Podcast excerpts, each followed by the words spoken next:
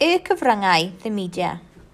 Darllenwch beth mae'r pobl yn dweud am y cyfryngau a chwblhewch y tasgau sy'n dilyn. Read what the people say about the media and complete the tasks which follow.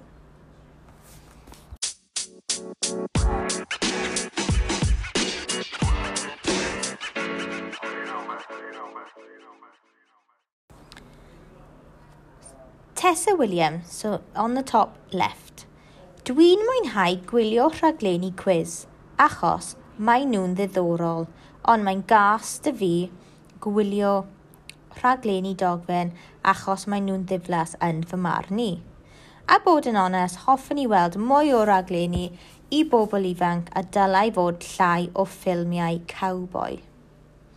So let's go to the beginning and translate. Dwi'n mwynhau I enjoy gwylio rhaglenni quiz. I enjoy watching quiz programmes achos mae nhw'n ddiddorol because they're interesting. Ond mae'n gas gyda fi wylio rhaglenni dogfen. But I hate watching documentary programmes achos mae nhw'n ddiflas yn fy marn i because they are boring in my opinion. A bod yn onest, hoffwn i weld mwy o raglenni i bobl ifanc. To be honest, I would like to see more programs for young people. A dylai fod llai, so there should be less ffilmiau cowboy, cowboy films.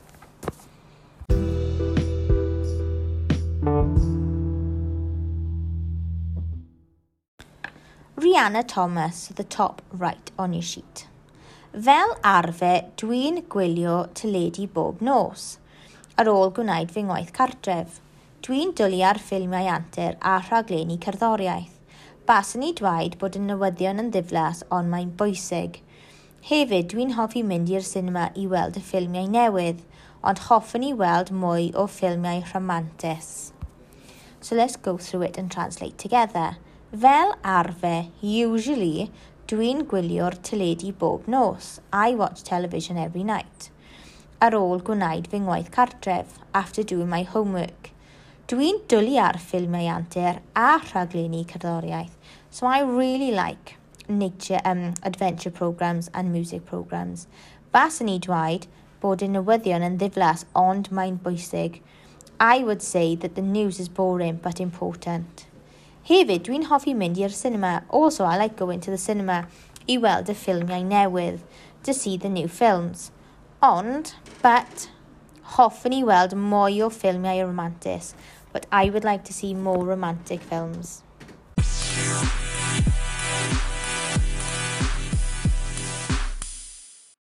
So Ryan Lewis, The Box in the Middle. Dwi'n gysau gwylio'r tyledu. Dwi'n meddwl bod gwylio'r tyledu yn wastraff amser. Mae'n well gyda fi rando ar y radio.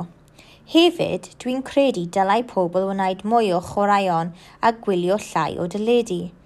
Fel arfer, dwi'n gwrando ar y radio cyn mynd i'r ysgol.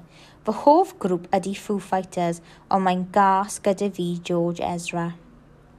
So let's go at the top and translate together. Dwi'n casau, I hate gwylio'r teledu watching television. Dwi'n meddwl bod gwylio'r teledu yn wastraff amser. I believe that watching TV is a waste of time.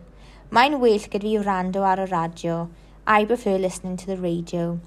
Hefyd, credu dylai pobl wneud mwy o chwaraeon a gwylio llai o dyledu. So I believe people should do more sports and watch less television.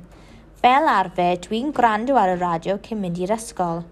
Usually, I listen to the radio before going to school. Fy hoff grŵp, so my favourite group ydy Foo Fighters, is the Foo Fighters. Oh mae'n gas gyda fi George Ezra, but I hate George Ezra.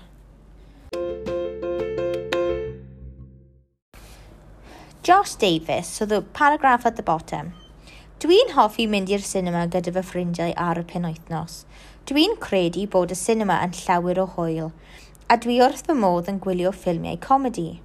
Mae nhw'n gallu bod yn ddoniol dros ben.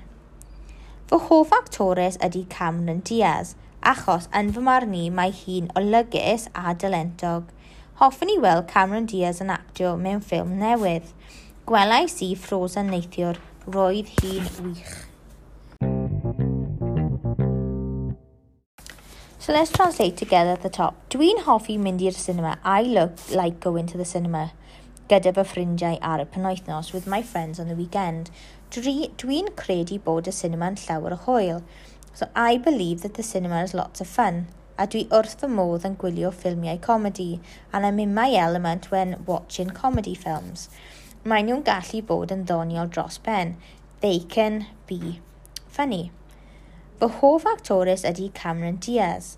My favourite actress is Cameron Diaz, achos yn fy marn i mae hi'n olygus a dylentog in my opinion, she is. Now, a Lugis is handsome, so obviously I'm not sure if you would describe a lady as handsome uh, a dylentog and talented. Hoffwn i weld Cameron Diaz yn actio mewn ffilm newydd. I would like to see Cameron Diaz acting in a new film. Gwelais i Frozen neithiwr. I watched Frozen last night. Roedd hi'n wych. It was great.